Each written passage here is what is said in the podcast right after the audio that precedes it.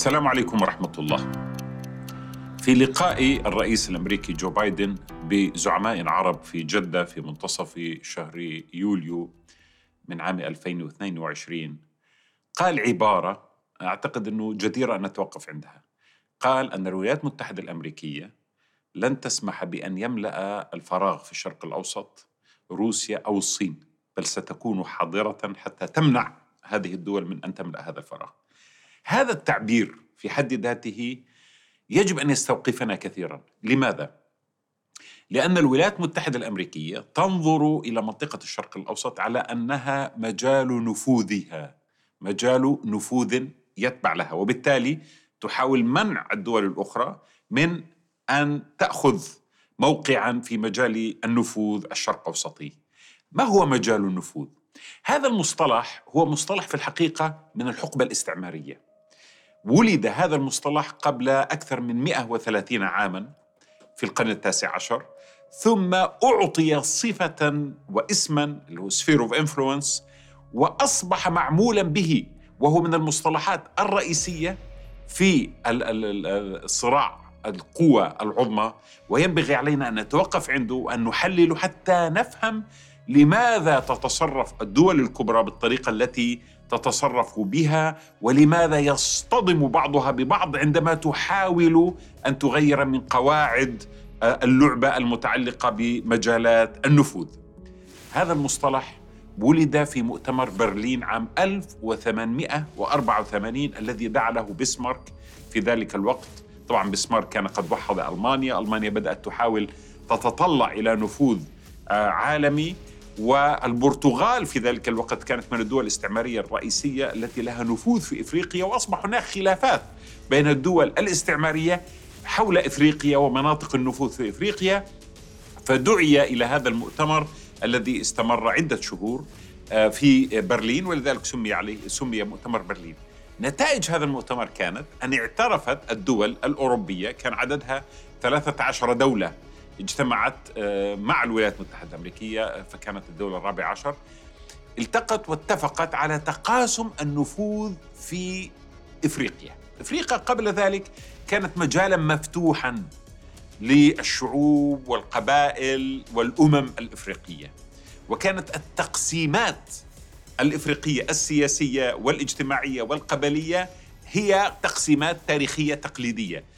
لكن الدول الأوروبية في مؤتمر برلين قررت تقسيم طبعا إفريقيا إلى خمسين دولة وضعت الخارطة التي نعرفها اليوم بخارطة إفريقيا واعترف كل منها للآخر بالمناطق التي يسيطر عليها ذلك الآخر ويحتكر النفوذ فيها ويحتكر التجارة ويحتكر المواد الخام والهيمنة. ولذلك مؤتمر برلين هو مؤتمر لا إنساني مؤتمر يمثل الاستعلاء الاستعماري مع العلم أن المجتمعين حاول أن يقدموا هذا المفهوم على أنه مفهوم الأخيار الذين يحاولون أن ينشروا الحرية والدين المسيحية في إفريقيا للقبائل ذات الطبيعة الهمجية غير المتحضرة. ولكن النتيجة كانت نتيجة كارثية على إفريقيا التي قسمت تقسيمات غير طبيعية وغير إنسانية ولا تنتمي اطلاقا إلى التراث ولا التاريخ ولا التراب الإفريقي.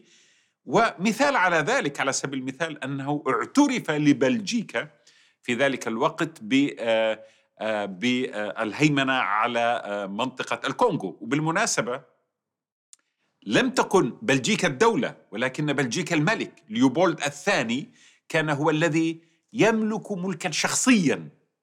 الكونغو والكونغو طبعا دولة ضخمة جدا في قلب إفريقيا. وكان هذا الرجل الملك الذي يملك هذه يتحكم بكل مواردها وبسكانها فهو يملك الأرض والناس. النتيجة أنه بعد سنوات من سيطرة ليوبولد الثاني البلجيكي على الكونغو مات نصف سكان الكونغو عشرة ملايين. قتلوا بسبب المجاعات وبسبب الإهمال وبسبب الاستغلال الذي وقع في تلك القارة. فهو هذا المصطلح مصطلح the sphere of influence أي مجالات النفوذ هو مصطلح استعماري ذو آه، آه، مسحة استغلالية استعلائية قادم إلينا من القرن التاسع عشر لكنه ومنذ ذلك الوقت إلى يومنا هذا لا يزال مصطلحا رئيسا فاعلا في السياسة الدولية. ينبغي علينا أن نتعرف عليه ونتعرف على تطبيقاته المعاصرة.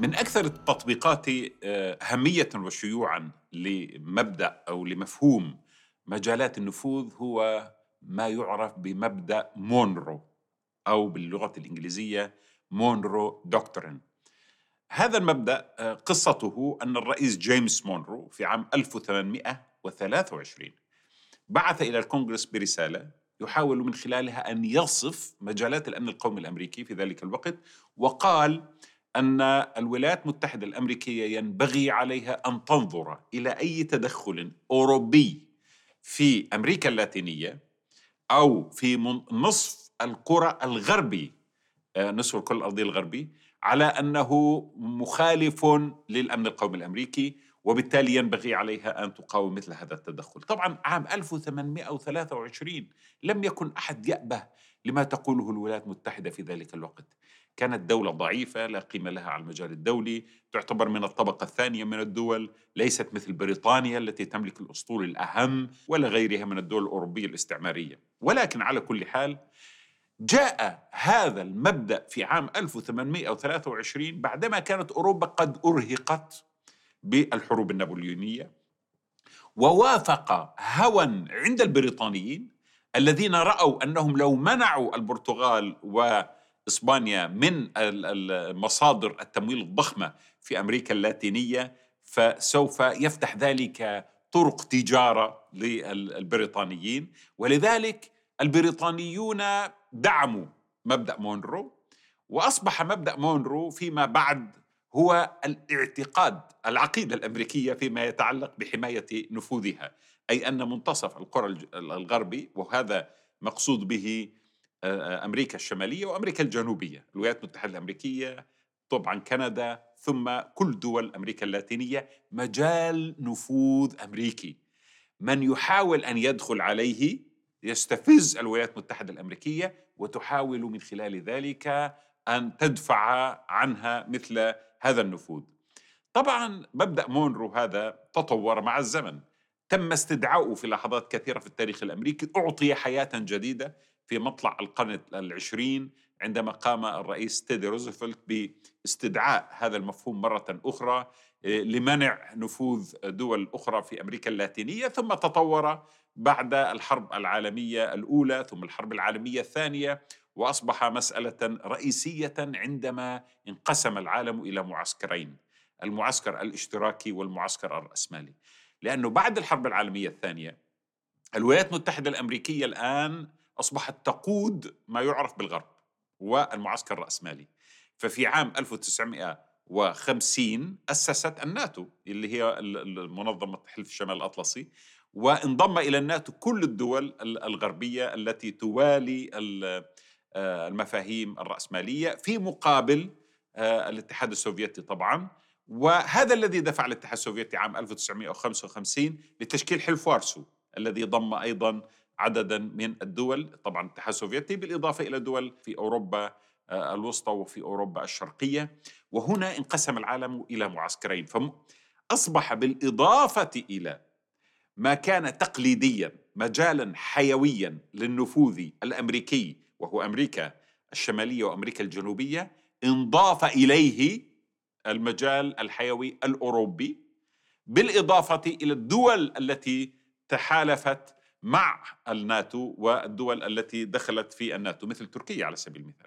إذا العالم انقسم إلى مجالين رئيسين. طبعا إحنا لما نتكلم عن مجال النفوذ. في واحد حيقول لي طيب في مجالات نفوذ أخرى مختلفة ثقافية وفكرية واجتماعية مثل رابطة الكومنولث آه التي تضم الدول التي كانت تخضع للنفوذ البريطاني أو الرابطة الفرانكفونية أو خلافه، لكن أنا لا أقصد بمجالات النفوذ هذه المفاهيم الثقافية، ولكن التحالفات الاستراتيجية والعسكرية التي تحاول الدول العظمى من خلالها أن تثبت حضورها ووجودها وتعكس على الطاولة الدولية قيمتها ونفوذها. في هذا الصدد نقول أن مبدأ مونرو الذي بدأ لوصف آه، الواقع آه، في آه، غرب الكرة الأرضية تمدد الحقيقة تمدد ليضم أوروبا. لكن لاحظ شيء مهم جدا. أنه بعد سقوط الاتحاد السوفيتي طبعا انحل حلف وارسو في عام 1991 لم يعد موجودا وبقي حلف الناتو وتوسع اليوم عندنا أكثر من 30 دولة أعضاء في حلف الناتو. ولكن هذا الحلف هو في الحقيقة مجال نفوذ أمريكي مجال نفوذ استراتيجي أمريكي. وصحيح أن فيه دول مهمة مثل بريطانيا وفرنسا وألمانيا لكن في الآخر القرار فيه هو للنفوذ الأمريكي.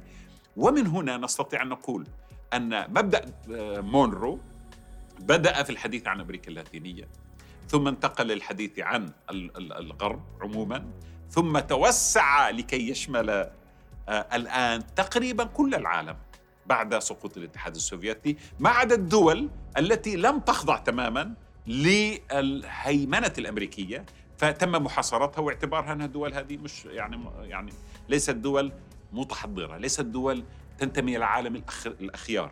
لذلك في حصار على فنزويلا كوبا كوريا الشمالية إيران ثم الآن في عقوبات طبعا على روسيا وكذلك على الصين إلى حد ما بمعنى أن المفهوم مفهوم مونرو وضع الولايات المتحدة الأمريكية في موضع ترى العالم كله مجال نفوذ لها. والولايات المتحدة الأمريكية اليوم تمتلك قواعد عسكرية في كل أنحاء العالم تقريبا وأساطيلها تجوب كل بحار العالم. فتخيل يرحمك الله لو أن الصين أرسلت أساطيلها العسكرية لتجوب شواطئ المكسيك أو لكي تجوب آه، شواطئ الولايات المتحدة الأمريكية نفسها. ما الذي سيحدث في هذه الحالة؟ بينما يجوب الأسطول العسكري الأمريكي شواطئ الصين ويعبر في كل آه، يوم على مرأى البصر من الشواطئ الصينية ومن معبر تايوان آه، وهذا يستفز طبعا الصين الذي ترى في ذلك خرقا وإهانة لنفوذها الحيوي ولمجال نفوذها في تلك المنطقة.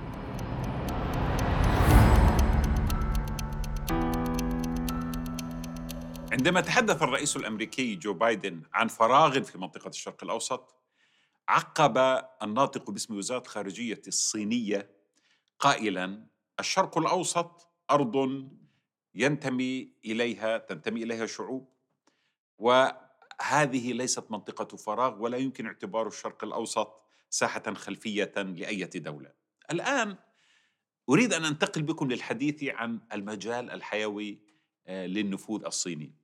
الصين في الحقيقة عانت شيئا نسميه في الأدبيات في العلاقات الدولية قرن الإهانة الصيني وهذا بدأ بشيء غريب جدا وهذا أحد الأوجه القبيحة للاستعمار الغربي أيضا وطبعا الاستعمار كله قبيح لكن هذا من من أقبح وأغرب ما حدث في آه، في هذه اللحظة التاريخية في القرن التاسع عشر في عام 1839 حاولت بريطانيا أن تجبر الصين على فتح موانئها وأسواقها لتجارة الأفيون. الصين كانت تستقبل الافيون سابقا منذ بداية القرن التاسع عشر وكثير من الصينيين أدمنوا. يعني وصل عدد المدمنين في الصين في ذلك الوقت إلى 10 مليون إنسان على الأفيون الذي كانت تتاجر فيه شركة الهند الشرقية وهي شركة بريطانية تزرع الأفيون في الهند وتبيعه في الصين. الصين طبعا عدد سكانها ضخم ولذلك كانت سوقا مهما. لكن الإمبراطور الصيني عندما رأى أن شعبه بدأ يدمن ويخرج من نطاق العمل إلى نطاق الإدمان والإهمال ورأى الكوارث التي يجلبها الأفيون قرر منع تجارة الأفيون ومنع الشركات البريطانية من بيعها فشنت بريطانيا حربا اسمها حرب الأفيون على الصين في عام 1839 أجبرت الصين في عام 1842 على توقيع اتفاقية لأنها هزمت. الحرب طبعا بريطانيا في ذلك الوقت كانت هي القوة الأولى في العالم. وبموجب هذه الاتفاقية سمح للبريطانيين بالتجارة تجارة الأفيون في داخل الصين واستمر هذا الوضع. طبعا هذا الوضع خلق إشكالات كثيرة جدا جوا الصين وأدى إلى حروب وإلى صدامات وإلى انتقاص من شرعية النظام وفتن لا تنتهي وأدى طبعا إلى نسبة إدمان هائلة لأنه يقدر المؤرخون إنه مع بدايات القرن العشرين كان نسبة المدمنين أو عدد المدمنين 100 مليون إنسان في داخل الصين هذا عدد طبعا ضخم في ذلك الوقت. لكن الشيء الأخطر من هذا أنه بعد هزيمة الصين في حرب الأفيون تم تقسيم الصين إلى مناطق نفوذ للدول الأوروبية. روسيا أخذت مقاطعات الشمال. طبعا بريطانيا أخذت شانغهاي وعدد من الموانئ الأخرى من أجل التجارة. كذلك شاندونغ أخذتها ألمانيا وفرنسا أخذت مقاطعة يونان. وهكذا الصين قسم كما قسمت إفريقيا إلى مناطق نفوذ قسمت الصين إلى مناطق نفوذ. واحتكرت تجارة تلك المناطق لكل دولة من هذه الدول. طبعا أمريكا لم تكن جزءا لأن أمريكا كما قلت لكم في ذلك الوقت لم تكن من الطبقة الأولى من الدول الاستعمارية الكبرى في العالم. حاولت أن تدخل لكنها منعت من الدول الاستعمارية آه، الكبرى. وهكذا عاشت الصين مستهلكة عاشت الصين مهانة عاشت الصين مقسمة بين الدول الاستعمارية. لم ينتهي هذا الحال تماما إلا في عام 1949 عندما انتصرت ثورة ماوتشيتونغ وأخرج كل النفوذ طبعا الغربي من من من الصين وهرب النظام الذي كان يحكم بكين في ذلك الوقت ونظام والي الغرب إلى تايوان. وهنا اعترفت الولايات المتحدة الأمريكية بتايوان ممثلا وحيدا للشعب الصيني. وفي الأمم المتحدة كانت تايوان هي التي تحتل مقعد الصين في الأمم المتحدة بينما لم تعترف الولايات المتحدة الأمريكية بحكومه الحكومة الحزب الشيوعي في بكين. وبقي الحال على ما هو عليه حتى عام 1971 عندما قام نيكسون بتطبيع العلاقات مع الصين. ووضع ثلاثة شروط. بالاتفاق مع الصين في في 1971 الأولى أن الولايات المتحدة الأمريكية تعترف بالصين وعاصمتها بكين طبعا كممثل للدولة الصينية الواحدة وتسحب اعترافها من تايوان ثم أنها تلتزم بعدم وجود بعثات دبلوماسية في تايوان وتلتزم كذلك بعدم وجود قوات عسكرية في تايوان. الحقيقة اليوم بعد كل هذه السنوات الولايات المتحدة الأمريكية خالفت كل هذه الاتفاقات. اليوم هناك قوات أمريكية في تايوان وهذه القوات الأمريكية يقال أنها بقصد التدريب ولكنها موجودة وتدرب القوات التايوانية على ليس الدفاع فحسب بل بالهجوم. ثم هناك أيضا مبنى يرفرف عليه العلم الأمريكي ويحرسه المارينز في قلب تايوان في تايبي. وهذا مخالف أيضا لما كان قد اتفق عليه. ثم أيضا هناك محاولات دائمة لزيارات رفيعة المستوى إلى تايوان من قبل مسؤولين أمريكيين، بل إن الولايات المتحدة الأمريكية أحيانا تعاقب الدول التي تسحب اعترافها بتايوان لحساب الصين. فلذلك الصين في حالة نفسية اولا تشعر بالإهانة التي وقعت عليها منذ قرن من الزمان. وتحاول التخلص من مناطق النفوذ. وهذه آخر منطقة نفوذ في داخل الصين تايوان. ولذلك تستفز الصين كثيرا. لما ترى البوارج الأمريكية آه، تجوب معابر آه، وموانئ تايوان. تستفز كثيرا عندما ترى زيارات رفيعة المستوى إلى تايوان. تستفز عندما ترى أن تايوان آه، تتاجر وتحالف وتناور في علاقاتها مع الغرب والولايات المتحدة الأمريكية خلافا لكل الاتفاقات. وهكذا نقطة اشتعال قادمة اسمها تايوان. وجذورها في العقل الجمعي الصيني يمتد أكثر من مئة عام. وجذورها أيضا في الواقع يمتد أكثر من 130 سنة لأنه هذا انعكاس للنظرة الاستعمارية القديمة. وكما قلت لكم لو أن الصين قامت ببعض ما تقوم به الولايات المتحدة الأمريكية في مجال أمريكا الحيوي أي في أمريكا اللاتينية على سبيل المثال أو في المكسيك أو في كندا فإن الرد الأمريكي سيكون مزلزلا ولن تقبل بذلك على الإطلاق. لكن أمريكا ترى لنفسها الحق في أن تفعل ذلك لأنها ترى أن Monroe Doctrine هو مبدأ مونرو أصبح الآن يعم العالم أجمع ومن حقها أن تتدخل وأن تنافس وأن تفعل ما تشاء دون رقيب ولا حسيب.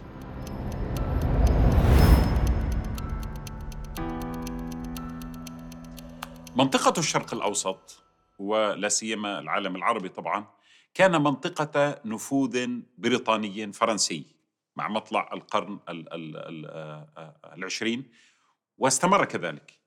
والحقيقة أنه لم يبدأ النفوذ الأمريكي في هذه المنطقة يأخذ وضعا متماسكا صلبا قويا إلا بعد الحرب العالمية الثانية.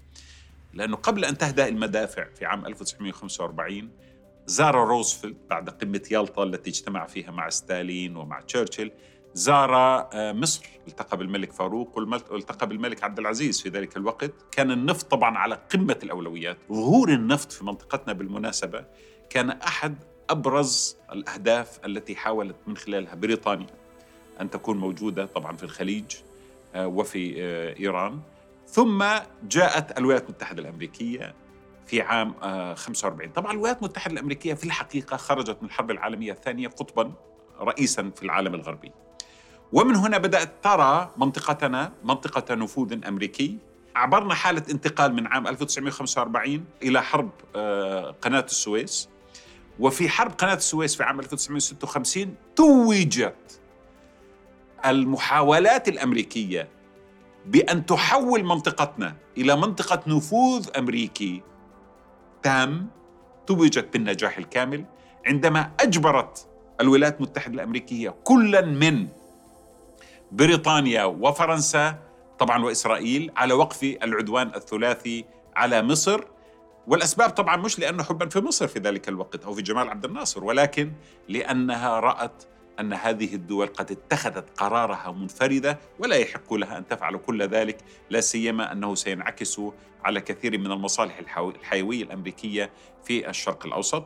ومن هنا أصبحت الولايات المتحدة الأمريكية هي السيد المطاع بكل ما يتعلق في منطقتنا إلى أن وصل الحال بجو بايدن في زيارته ولقائه مع المسؤولين العرب للقول Bottom line is this trip is about once again positioning America in this region for the future. We are not going to leave a vacuum in the Middle East for Russia or China to fill. في الحقيقة أنا لا أعتقد أن الصين تحاول أن تملأ الفراغ الدولي المتعلق بتراجع الولايات المتحدة الأمريكية. الصين دولة كبيرة جدا عدد سكانها ضخم وتحاول أن تنمو تواصل نموها الاقتصادي الهائل وتحاول أن تحمي مجالات نفوذها الاقتصادي. لكن هل تستطيع أن تحول مجالات النفوذ الاقتصادي هذه إلى مجالات نفوذ عسكري واستراتيجي؟ هل تريد أن تفعل ذلك؟ الصينيون يؤكدون دوما أنهم لا يريدون أن يخلفوا الولايات المتحدة الأمريكية كشرطي للعالم. وأنا بتقديري أنه هذه هذه هذا رأي حكيم لأنه فكرة شرطي العالم هذه فكرة مدمرة للإمبراطوريات. حاولتها الإمبراطورية الرومانية من قبل وفشلت كثير من الدول. والآن حاولتها الولايات المتحدة الأمريكية أنهكت توسعت في العالم كثيرا استهلكت وكذلك فشلت في كل الحروب التي حاولت من خلالها أن تثبت أنها السيد المطاع من فيتنام آه، إلى أفغانستان إلى العراق إلى غيره. ولذلك القول بأن الصين وروسيا على وشك أن تملأ الشرق الأوسط بمجال نفوذ جديد أنا بتقديري مبالغ فيه وهو محاولة أمريكية أخرى من أجل آه، التمسك بنفوذها في منطقتنا وأيضا تقزيم النفوذ الروسي والصيني في مناطقها لأن الصين لديها أيضا مصلحة في جنوب شرق آسيا. ولديها مصلحة في تلك المناطق التي تعتبرها سوقا لمنتجاتها ومجالا جيوسياسيا لأمنها القومي.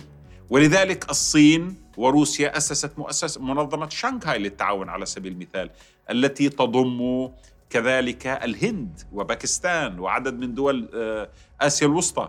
نصف سكان الكرة الأرضية ينضمون تحت اتفاقية شانغهاي وهي اتفاقية بالمناسبة تحاول أن تجعل من هذه الدول حلفاء آه، سياسيين واقتصاديين حتى عسكريين وبتقديري أنها ربما يكون لها مستقبل كبير في في في العهد القادم لا سيما في حال لو أن الولايات المتحدة الأمريكية والمعسكر الغربي بدأ بالتراجع والتضعضع لا سيما في الحرب الأوكرانية الروسية الحالية. ثم أن روسيا أيضا لها منظمة الأمن الجماعي التي حاولت من خلالها أن تضم دول سابقة في الاتحاد السوفيتي وأن تبقيها في الفلك الروسي، فهذا أيضا مجال حيوي روسي. وهذا يفسر لنا كيف أن روسيا استفزت في موضوع جورجيا عام 2008 وشنت حرب عندما حاولت الولايات المتحدة الأمريكية ومعها المنظومة الغربية ضم جورجيا إلى الناتو آه، والاتحاد الأوروبي كذلك في أوكرانيا نفس الإشكالية لأنها ترى مجال نفوذ آه، مجال نفوذ لها في أوكرانيا وعندما حاولت أوكرانيا أن تنضم إلى الاتحاد الأوروبي وإلى الناتو أيضا روسيا استفزت وقامت بحربها على أوكرانيا. ولذلك مفهوم مجال النفوذ مفهوم جوهري وحيوي ينبغي علينا نفهم لنفسر تصرفات الدول. أما الإطار الأخلاقي الذي تتحرك فيه الدول عادة فهو أطار دائما يحاول أن يركز على تقرير المصير على الحريات على الديمقراطية على سيادة الدول. لا تستمعوا لذلك كثيرا. هذا كلام يقوله السياسيون عادة أمام الكاميرات. لكن في الواقع عندما تقرر المسائل إنما تقرر وفقا لمجالات النفوذ ووفقا لإرادات الدول المتغلبة والأقطاب العالمية أو الأقطاب الإقليمية ذات النفوذ في الإقليم. أما ما يقال من تبريرات فلسفية أو أخلاقية جميلة من أجل الخطاب الإعلامي فهذا شيء ينبغي علينا دائما أن ندرك أن السياسة الدولية هي في الحقيقة سياسة تؤمن بالواقع المجرد البعيد كل البعد عن القيم الأخلاقية وتحاول أن تعظم المصلحة بعيدا عن مصلحة الإنسان آه، صاحب ال ال ال ال ال الأرض آه، والمفاهيم هذه مفاهيم للأسف الشديد منذ أكثر من 150 عاما هي الحاكمة للنظام الدولي الذي نعرفه حاليا.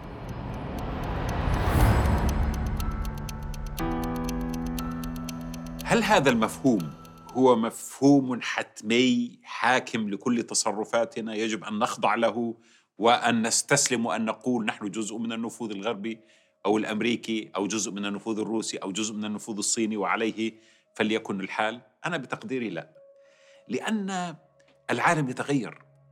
والإنسان الذي يعيش في في في منطقتنا هذه منطقة الشرق الأوسط يعرف أن هذه المنطقة هي من أكثر المناطق حيوية في العالم. مرت عليها إمبراطوريات احتلتها جيوش عصفت فيها حروب لكنها ذات وعي جمعي مستقل له ذاتيته الخاصة. نحتاج أن نبني على هذا الوعي الجمعي. نحتاج بدائل تنبت من أرضنا. لماذا؟ لأنك عندما تحاول أن تبني مفاهيمك على تراث استعماري والحقيقة انه كل دولنا الحالية هذه هي نتاج مش فقط إفريقيا التي تم تقسيمها آه، في مؤتمر برلين ما هو أيضا إحنا قسمنا كذلك في الحرب العالمية الأولى آه، وبعدها. وبالتالي هذا التراث الاستعماري لم يأتي فقط بالحدود ولم يأتي بالأوصاف والأسماء للكيانات والدول التي قامت بل جاء بالعقلية التي يفكر فيها القادة والزعماء والإستراتيجيون والنخب السياسية للأسف الشديد في كثير من الأحيان. نحتاج أن نفكر بأوسع من ذلك. نحتاج أن نتأمل في واقعنا بعيدا عن مئة عام من الإهانة التي عشناها أيضا نحن كما عاشتها الصين. ولذلك الشقوق في النظام الدولي التي تحدث حاليا في الحقيقة تسمح لنا بأن نبدأ بالانعتاق من مفهوم النفوذ الحيوي لهذا الكيان أو ذلك الكيان. وأيضا تسمح لنا أن نبدأ بالحديث بيننا مع بعضنا البعض لكي نؤسس مركزا جيوسياسيا في منطقتنا. يصبح له ثقل على الأقل رئيسي في المنطقة ثم من بعد ذلك يمكن أن يجلس على الطاولة الدولية ويمكن أن يكون له رأي فيما يتعلق بالسياسات العالمية. تخيل لو أن تركيا وإيران ودول الخليج العراق سوريا الدول العربية الرئيسية مصر استطاعت أن تلتقي على مفاهيم للأمن الإقليمي وعلى رؤى اقتصادية تكاملية وعلى حل الخلافات التي تعصف بواقعنا ومجتمعاتنا ألا يمكن أن يشكل ذلك منطلقا وبداية لمركز جيوسياسي. ألم نرى أوروبا يذبح الأوروبيون بعضهم بعضا عبر قرون من الزمن وصولا إلى الحرب العالمية الأولى والحرب العالمية الثانية ثم من بعد ذلك يجلسون على الطاولة ويؤسسوا الاتحاد الأوروبي ويحاولوا حل خلافاتهم فيما بينهم. هذه مسائل حصلت في العالم. عالمنا العربي والشرق الأوسطي تحديدا يحتاج أن ينعتق من إشكالية التبعية وإلا سنبقى دائما صغارا ونبقى تبقى بلداننا وأوطاننا ملاعب للقوى الدولية وسوف نفشل سوف نفشل اقتصاديا ونفشل اجتماعيا ونفشل في بناء ذواتنا ونفشل نفشل أيضا في تصور مستقبلنا لأننا محكومون بقواعد لم نضعها لأنفسنا بل وضعها الآخرون ولا يزال الآخرون يتحكمون بل يعبرون عن ذلك بكل وقاحة عندما يقولون أن الفراغ في الشرق الأوسط سنملأه نحن. كأننا أبناء هذه المنطقة لسنا شيئا مذكورا وإنما هباء والفراغ يملأه الأمريكيون أو غيرهم. السلام عليكم ورحمة الله.